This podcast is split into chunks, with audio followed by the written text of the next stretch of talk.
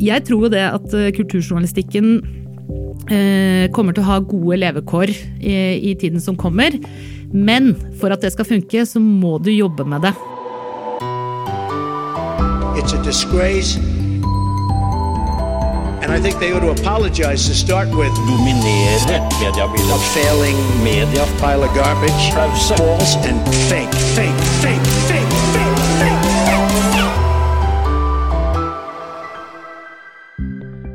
Hei og velkommen til en ny episode av Pressepodden. Mitt navn er Jan Magnus Weiber Rørdal, og dette er faktisk årets siste episode. Og dagens gjest som har fått æren av å være årets siste gjest, er deg, Aftenpostens kulturredaktør Cecilie Asker. Velkommen til Pressepodden, Cecilie. Veldig hyggelig å være her. Vi skal, ja det er ikke så overraskende, vi skal selvfølgelig nøle litt og prate om kulturjournalistikk, da. Det er ikke så rart, men aller først en liten reklamepause. AS Lokalavisene søker markedskonsulent. Vi ser etter deg som brenner for salg, er god på digitale flater og som kan være en god rådgiver for kunden. Les mer på stilling.m24.no. Ja, Cecilie Asker, jeg titulerte deg jo i introen som kulturredaktør i Aftenposten, og det er du. Men det er ikke det eneste du er, eh, internt. Eh, fortell nå, det, dette er en lang liste, men hva er det du har ansvaret for nå egentlig i Aftenposten? Uh, ja, jeg har uh, Altså, jeg får dagene til å gå, for å si det sånn. Uh, jeg har ansvar for kultur, som du nevner. Jeg er jo kulturredaktør. Der har jeg både ansvar som avdelingsleder og som redaktør. I tillegg så er jeg også redaktør for Vink, som er vår nye tjeneste for eh, restaurant og uteliv i Oslo. Der er jeg også avdelingsleder. Eh, Og så har jeg veldig flinke nyhetsledere da, under meg, som gjør veldig mye av det dag-til-dag-arbeidet. I tillegg så eh, er debatt også i kulturredaktørens linje, men der har vi en egen debattredaktør som tar seg av den avdelingen.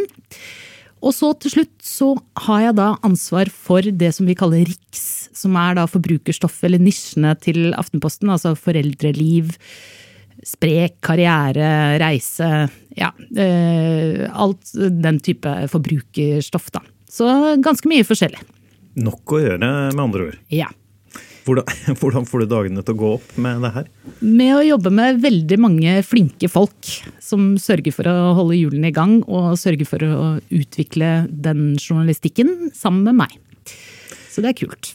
Men er, er, er det her eh, tanken å være permanent løsning, eller er det litt sånn midlertidig? For det høres jo veldig mye ut, men eh, Eh, nei, det er en permanent løsning, eller så permanent som ting i mediebransjen kan bli, da.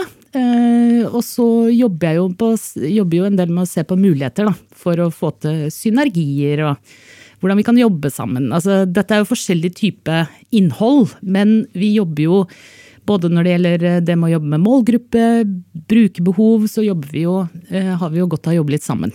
Så det gjør vi.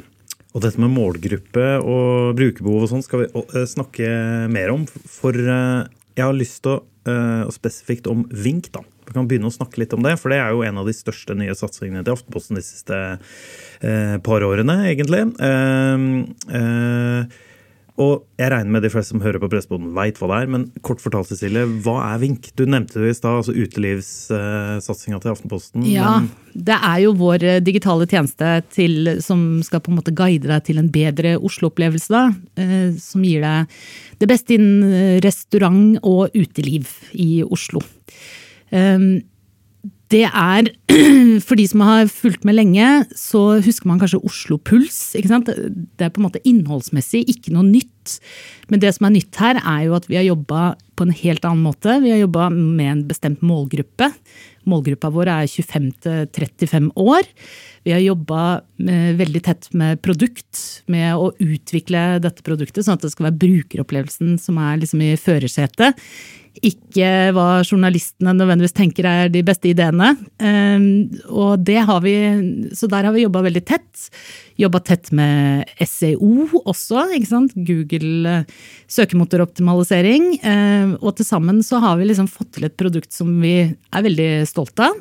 Og som har, eh, tro det eller ei, altså truffet eh, veldig bra i målgruppa. Og det er jo en kamp i disse dager å klare å treffe unge brukere.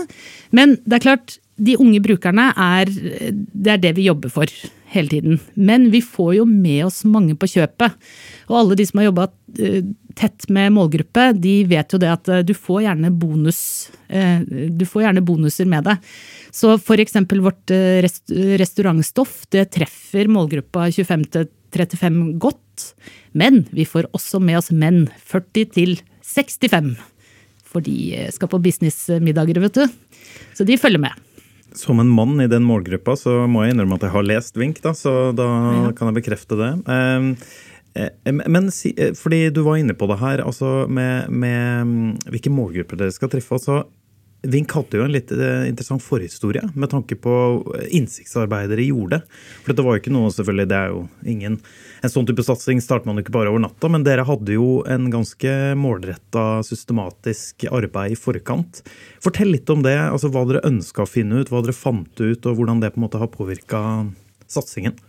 Det begynte jo, eh, som det ofte gjør, eh, med at eh, noen konkurrenter gjør noe veldig bra. Nemlig Avisa Oslo, som, eller A-media, som gikk inn i Oslo og skulle ta Oslo. Og da våkna, våkna det folk i Skipsted, og vi fikk penger til å ansette ganske mange journalister i et Oslo-prosjekt. Og da, istedenfor å bare sette i gang og jobbe etter de vanlige normene, hvor man liksom, noen jobber med nyheter, noen jobber med kommentar, altså at man bare plasserer alle ut og gjør business as usual, så satte vi i gang et ganske stort innsiktsprosjekt. Og eh, da var det forskjellige hypoteser. Eh, finnes det f.eks. en nyhetstjeneste som kanskje unge mennesker er villige til å betale for? Er det annen type innhold, altså forbrukerstoff? Og så gjorde vi ganske mange brukerintervjuer. Vi hadde, vi hadde, egen, vi hadde en egen eh, Aftenposten-lab som jobba med dette, og en produktsjef som holdt i dette, liksom denne produktutviklingen. Eh, og journalistene de måtte finne seg å være i baksetet i starten. Og det er jo veldig uvant. Man, for alle som har vært med på redaksjonell utvikling, så er det jo stort sett journalistene som sitter i rommet, kommer på ideene, fått noen økonomiske rammer fra sine ledere. Mens her så var det altså brukerinnsikten som la grunnlaget for eh, hvilket produkt vi skulle bestemme oss for å lage. Og eh, det endte med at vi eh, fant ut at eh, det var ikke så stor eh, vilje til å betale for nok et nyhetsprodukt. Eh, Men derimot så var det en ganske stor vilje til å bli guida til gode Oslo-opplevelser. Og ikke minst da innenfor restaurant, kultur og uteliv. Og der har vi jo en lang historie i Aftenposten på å lage innhold, eh, og veldig flinke folk. Men da måtte vi jobbe med å på en måte få med oss alle inn i en ny altså, måte å tenke på. Da.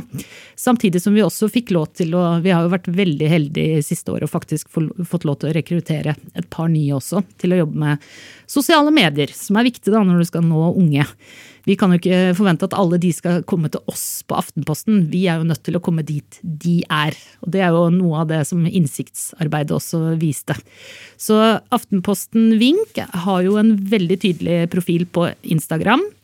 Jeg kan jo røpe at vi er i ferd med å lansere også eh, en TikTok-konto. Ikke på en Eh, privat redaksjonstelefon, der. En egen Nei, du vet hva? det. Litt av grunnen til at det har tatt så lang tid, er jo nettopp at vi har måttet gå opp de reglene. Sånn at eh, det er egne regler i Skipsted faktisk på hvordan vi håndterer eh, TikTok og andre lignende tjenester på både laptoper og mobiler. Så det, er, det, det har vi sikra. Og så eh, får vi på plass enda en veldig flink eh, SoMe-journalist over nyttår. Vi fikk jo lov til å rekruttere to, og da ville det jo vært naturlig å tenke at du tar én skrivende kanskje og én SoMe. Men vi valgte å gå andre veien og gå for SoMe-journalister, som for øvrig også kan skrive, men eh, for å liksom styrke oss på andre plattformer enn aftenposten.no. da. Fordi vi ser jo det at skal vi klare å nå ut til eh, unge brukere, så kan ikke vi lene oss tungt på vår egen plattform. Da må vi faktisk være veldig gode på de andre. Så da er det sosiale medier, og så er det selvfølgelig Google som er viktig. Eh, oppbemanning da, i, inn i det nye året. Eh, og, og, i en tid da, hvor det er mye kutt og nedbemanninger i bransjen. Denne Ja. uka her, VG må kutte mange, TV 2 har kutta osv. osv. Eh, det høres ut som eh, skipsstedledelsen har trua på Vink da, i 2024. Hvordan ser du på fremtiden? Jeg ser jo eh, Jeg er nok en løsningsorientert type, så jeg ser stort sett alltid på det med liksom eh, en svak optimisme. Og jeg tenker jo at eh, i den tiden vi går inn i nå, da, hvor ja, det er mange som kommer til å oppleve at eh, deres arbeidsoppgaver i mediebransjen eh, kanskje forsvinner eller forvitrer. Eh, ikke minst pga. kunstig intelligens, eh, som kan skape helt nye synergier og produksjonsstrømmer. Men så ligger det alltid også muligheter da, i sånne endringer. Det gjorde det i digitaliseringen. Det kommer til å ligge masse muligheter i denne store skiftet vi er inne i nå. Så det er viktig at man ikke Man må ikke bli defensiv bare fordi at det er dårligere tider. Da må man faktisk være litt offensiv.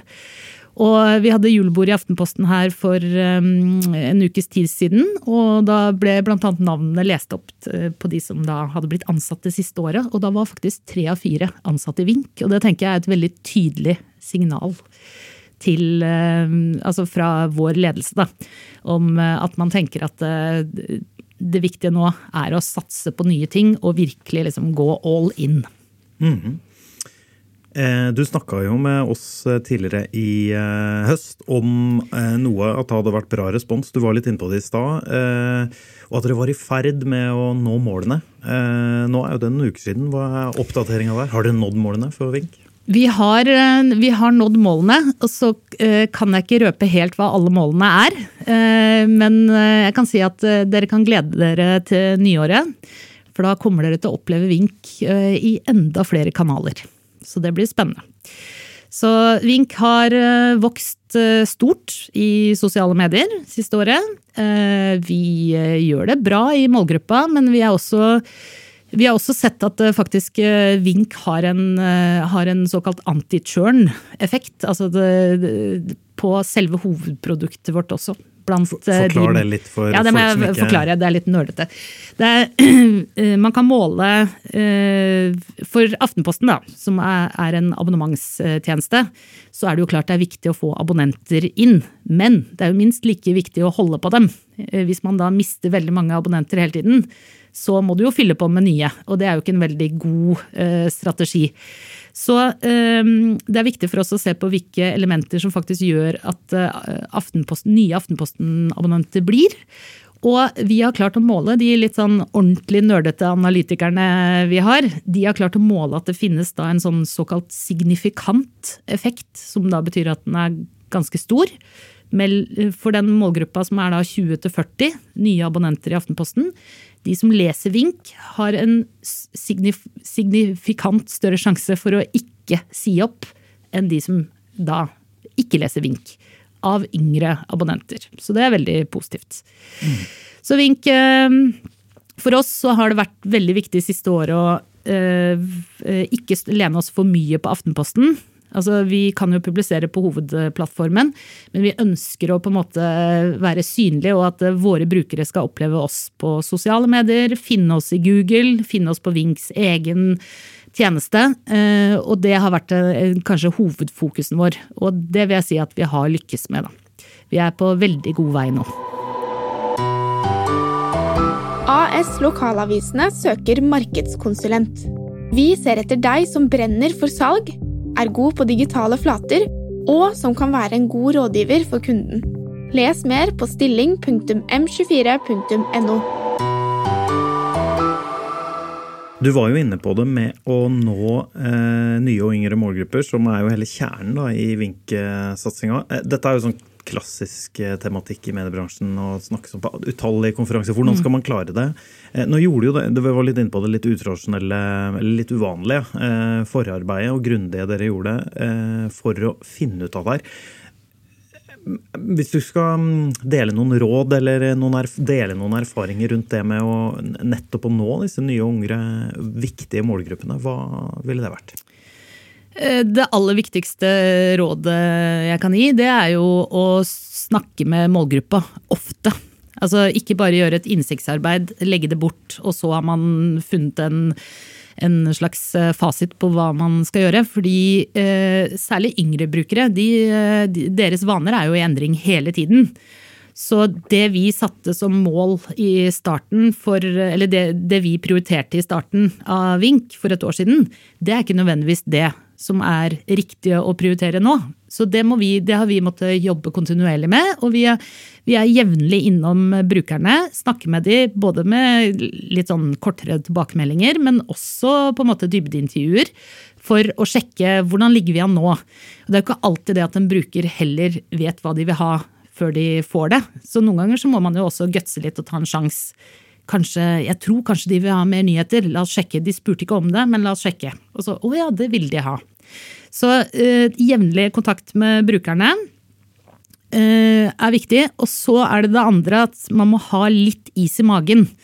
Fordi hvis du skal nå en ny målgruppe, du skal jobbe med kanskje og Du må legge bort litt din, eh, altså den vanlige plattformen eh, som du lener deg på.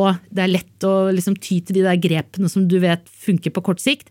De må du tørre å legge litt bort, og så må du tro på den business casen som du faktisk har lagd. Og du må tro at det, Ok, det tar litt tid, men vi kommer til, vi ser at det er en positiv utvikling her. Da må vi tro på at denne kurven fortsetter å stige. Og da er det greit å ha også ledere da, som faktisk er helt med på det. Og det, der har vi vært veldig heldige. Så det Skaff deg ledere som tror på, tror på, at det tar litt tid, men at eh, så lenge det går riktig vei, så, så får man det til. Så enkelt som det. Så enkelt som det. Ja, det Eh, er noe sånt noe. Um, er det noen aha-opplevelser du har gjort? Eller over, er det noe som har overraska deg? Noe som liksom Oi, det var litt annerledes enn det vi trodde. I det. Eh, Ja, for eksempel så hadde vi ikke så stor tro i starten på at eh, den gruppa var så veldig interessert i nyheter og nyhetsoppdateringer, men det viste seg jo å være eh, tilfellet. Sånn at det vi ser er vel at unge brukere, i likhet med eldre brukere, har gjerne De er ikke bare interessert i én ting, eller vil bare ha noe innenfor én sjanger. De, de har ulike behov, ulike modus. Så det å holde liksom høy kvalitet på alt du lager, og sørge for at det er en, ja, en god miks, det tror jeg ja, Det var ikke en aha-opplevelse, men det var i hvert fall noe vi fikk eh, erfart. da.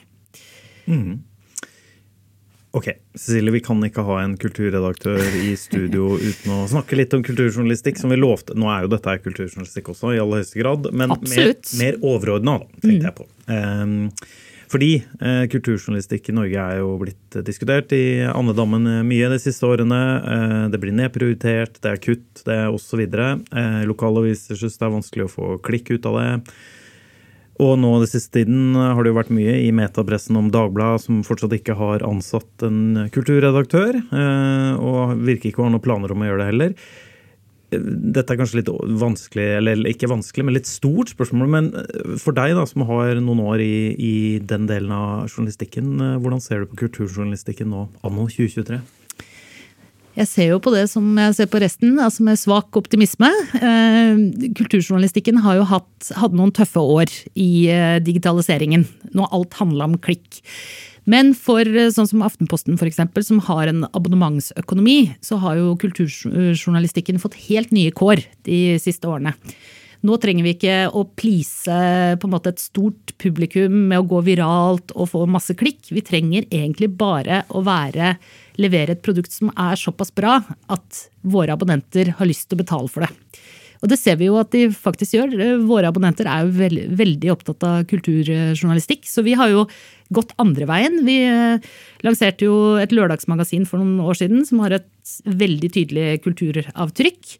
Nå eh, i forbindelse med at Søndagsavisen gikk eh, inn eh, i starten av 2023, så boosta vi jo da Lørdagsmagasinet med enda mer kultur. Så jeg tror jo det at eh, kulturjournalistikken eh, kommer til å ha gode levekår i, i tiden som kommer. Men for at det skal funke, så må du jobbe med det eh, kontinuerlig. Du kan ikke liksom lene deg tilbake og tenke på kulturjournalistikk som et rent papirprodukt. Jeg ser jo at det er eh, litt ulike altså, strategier ute og går der. Eh, Jeg tror man må liksom jobbe med det kontinuerlig. Eh, Du kan godt kuratere et papirprodukt, men du må ha en digital strategi. Det må kunne fungere i en digital verden, og du må utvikle journalistikken. Det kan handle om innhold, det kan handle om eh, prioriteringer på tema. Det kan handle ikke minst om distribusjon. Bare tenk deg sånn som veldig mye fungerer i dag. Du sitter og lurer på nå har jeg tid. Nå kunne jeg godt tenke meg å lese altså, de beste bokanmeldelsene fra i år. Hvordan får jeg det? Hvor finner jeg det? Altså, distribusjon er jo nøkkelen til veldig mye av en brukeropplevelse. At vi sørger for å gi brukerne det innholdet de vil ha, når de er klar for å motta det. Så eh, jeg tror kulturjournalistikkens eh, fremtid kommer til å handle, handle mye om å forstå de behovene som er. Og så har du, du har kulturanmelderiet, ikke sant? som er den liksom store institusjonen som mange tenker på som det, det klassiske kulturjournalistikken. Men så har du også nyhetsjournalistikk i kulturen. Og den er eh, Der mener jeg jo at det er veldig store muligheter. Fordi den er ikke like hekta på nødvendigvis liksom nyhetsløp og hendelser hver eneste dag. Kulturjournalistikk i dag er ikke liksom siste nytt fra bokbransjen, siste nytt fra filmbransjen. Det er i mye større grad kultursamfunnsdebatt. Vi har muligheten til å sette vårt avtrykk på liksom kulturjournalistikken. Vi kan, vi kan løfte en debatt, om det er med en anmeldelse eller om det er med en nyhet. Eh, Vi kan skape gode diskusjoner i samfunnet, vi kan skape refleksjon. Og ikke minst så tenker jeg på sitt aller, aller beste, så skaper også kulturjournalistikken nye tanker. da. Eh, Og det mener jeg fortsatt er en viktig del av samfunnsoppdraget til mediebransjen. Så man, det må jobbes med. Man må jobbe like hardt med det som man jobber med all annen type journalistikk. Og så må man tenke på at man ikke er liksom eh, altså Man kan ikke være bransjenytt for kulturbransjen. Vi skal skrive for brukerne og leserne. Og vi skal lage journalistikk som på en måte eh, opplyser dem, da. Og gir de muligheter til å liksom tenke nye tanker. Så jeg tror det bare kommer til å bli enda viktigere eh, når vi ser når kunstig intelligens kommer, og muligheten for kurateringer og hente opp debatter, og ikke minst det å bare være eh, Altså, den kritiske kulturjournalistikken eh, har nå bedre kår enn noen gang. Det bør være et godt utgangspunkt til å utvikle det. Da, for det var det jeg tar eh, fra det du sier der. Nøkkelord er utvikling. Altså Det må, må utvikle seg. Da må jeg bare spørre også, siden du, vi nevnte du har eh, lang eh, erfaring innen kulturjournalistikken og har sett Det er alltid gøy å spørre interessant å spørre for å se litt sånne endringer. Du var jo litt inne på det i stad, eh, hva det var før. Men sånn type spole 20 år tilbake. Du har jo bakgrunn fra Dagbladet bl.a., som var jo veldig sterke på eh, kulturanmelderi, må vi si. da. Anmelderne Absolutt. var jo nesten eh, popstjerner i, i, i en periode. På, hvis du spoler de ja, par tiår tilbake, hvordan eh, har kulturjournalistikken endra seg mest på de årene, sånn som du ser det? Jeg tror den største endringen eh, på kulturfeltet er jo at eh, eh, for 20 år siden så fantes ikke Facebook, da fantes ikke sosiale medier. Da var det medienes oppgave å fortelle hva som skjedde. Eh, I dag er det vår oppgave å fortelle hvorfor og hvordan i mye større grad. Så det er lett å liksom, Hvis man skal være litt flåsete, så kan man si at eh, kulturjournalistikk hadde litt samme problemet som sporten, at det var mye lansering. Og det var det jo, men det var også vår oppgave den gangen å fortelle hva som skjer i samfunnet i mye større grad enn det det er i dag. Nå er det mye mer vår oppgave å analysere det, sette det sammen.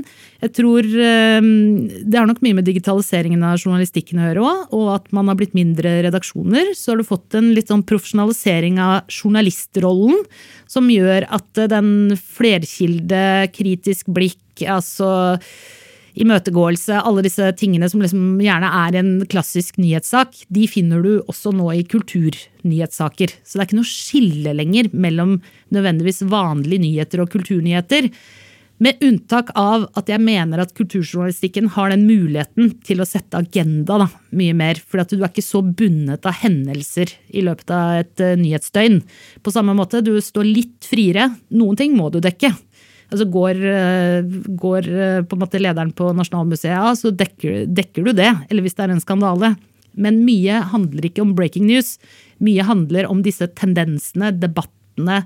Det litt, altså, du kan løfte blikket da, og analysere litt mer. Og det gjør jo at kulturjournalistikken også tiltrekker seg en del eh, smarte hoder. Fordi du får muligheten til å på en måte sette ditt avtrykk. Da. Du snakka om anmelderne som var popstjerner. Jeg mener jo at uh, i dag så kan du også få veldig, veldig flinke altså, De får kanskje ikke popstjernestatus, men flinke journalister som på en måte løfter debatter og kan på sitt aller beste være med å endre liksom, samfunnsdebatten. Eller flytte, flytte, det som skjer da, i samfunnet. Og det, det tenker jeg er en utrolig privilegert rolle, som krever også at man er veldig etterrettelig og transparent og veldig dyktig, eller både faglig dyktig, men også etterrettelig i sin jobb, da. Mm. Eh, vi kunne hatt en egen podkast om eh, kulturjournalistikk. Og, det kunne vi lett. Og, og, og, kanskje også historien. Jeg, skulle, jeg kunne tenke meg å en fremtidig idé. En egen podkastepisode om, eh, om, denne tiden. F.eks. i Dagbladet rundt eh, årtusenskiftet. Det, det, kunne vært interessant. Det får bli seinere. Eh, for jeg tror vi må gå litt videre. Det er snart juleferie for mm. mange. Så vi skal snike inn et lite julespørsmål til slutt. Men aller først, Cecilie, så er det noen fire spørsmål vi pleier å stille til gjestene våre. Kjør på. Som de, dere kanskje, du kanskje har fått sett eller ikke fått sett på forhånd. Det veit vi ikke. Det får vi se. kjappe spørsmål og gjerne kjappe svar. Er du klar? Ja. Ok, Cecilie, får du med deg mest nyheter på TV, radio, nett eller papir? Jeg får med meg mest eh, på nett, men jeg hører på radio hver morgen når jeg pusser tenner. Hører på Politisk kvarter og Nyhetsmorgen. Hva slags journalistikk er det som eh, provoserer eller engasjerer deg mest? Det som provoserer meg mest, er slurvete journalistikk og ting som ikke er etterrettelig gjort. Fordi vi har en så viktig rolle i samfunnet, eh, og det må man ikke liksom Man kan ikke gamble på det. Hva, hva, da, for eksempel? Altså sånn, ikke et konkret eksempel, nødvendigvis, men sånn Nei, Hvis folk skriver polariserende journalistikk, eller, altså, eller slurvete journalistikk som ikke har gjort jobben sin ordentlig, og som er med på å gi jeg, ben, kaste bensin på det bålet på sosiale medier som sier at uh, mediene bare er fake news. Det tenker jeg, det, Den oppgaven har vi hver og en, å sørge for at ikke det skjer. Altså, vi er nødt til å være vi er en viktig, viktig stolpe i samfunnet. Altså det, I det reisverket. Så den jobben den må alle ta på alvor. Foruten å ikke slurve, da, hva er de beste egenskapene som du ser det en journalist bør ha? En eh, journalist bør være nysgjerrig, tenker jeg. Eh, og i tillegg, eh, som sagt, etterrettelig. Og ha et ønske om å formidle noe. Altså ønske om å på en måte bidra med noe. Det tror jeg gjør, det skaper ofte den beste journalistikken. Og det siste i den rekka her nå, dette er et spørsmål som noen da syns er vanskelig, som jeg pleier å si, men jeg spør likevel. Hvem er det som inspirerer eller imponerer deg mest i Medie-Norge nå? Vet du hva, jeg blir jeg blir både imponert og inspirert hver eneste dag når jeg går på jobb. Jeg jobber med så utrolig mye flinke folk at jeg går ikke ut av et møte uten å ha lært noe nytt eller eh, blitt imponert over noe. Så jeg vil, jeg vil slå et slag for eh, altså, hver og en eh, journalist i dag som jobber i mediebransjen. Det er så mye å lære uh, av hverandre. Og bare tenk at man holder liksom Man har to ører og én munn. Det lytte mer og snakke mindre, det kan jeg selvfølgelig si til meg selv òg. Men det er jeg, jeg, kunne ikke tenke meg å jobbe i en annen bransje. Altså, vi er utrolig heldige. Det er bra siste ord. Eller ikke helt siste ord. fordi det, Jeg lovte et siste spørsmål, fordi som jeg nevnte, dette er den siste episoden før jul. Siste episoden i 2023. og vi skal snart eh, ta juleferie. Det skal kanskje du også. Men før du får lov til å gå, Silje, må høre, du, gleder du deg til jul? Har du noen gode planer? Ja, jeg gleder meg til jul. Jeg skal feire jul hjemme i eget hus med egen familie. Eh, og jeg skal lage middag. Det gjør jeg ikke 364 dager ellers i året, så det blir spennende. Trenger også kanskje en liten juleferie nå, etter mye lanseringer og mye, mye jobb og alle sjefs- eller leder, lederansvaret du har? Jeg skal faktisk ha noen fridager. Det, det skal bli litt ålreit. Mm, Jeg så at jeg ikke var satt opp på redaktørvakt i julen. Det var en gledelig nyhet, så da kan jeg faktisk ta meg litt fri. Det skal jeg gjøre. Da tror jeg jaggu jeg skal lese en bok eller se på TV. Ikke ha noen planer. Det høres ut som en fantastisk eh, romjul, spør du meg. Eh, og da, det håper jeg flere av dere lyttere på Pressebånd også får, selvfølgelig. Vi er tilbake med nye episoder i 2024, og nye gjester her i Pressebånd fra Med24. Med24 tar ikke helt eh, juleferie, da. Vi, vi er å finne på, på nett i noen dager til. Men inntil neste gang, neste år, så høres vi igjen. Godt jul. Nei, det heter ikke. God jul og godt nyttår til alle de som lytter på Pressebånden. Vi høres igjen.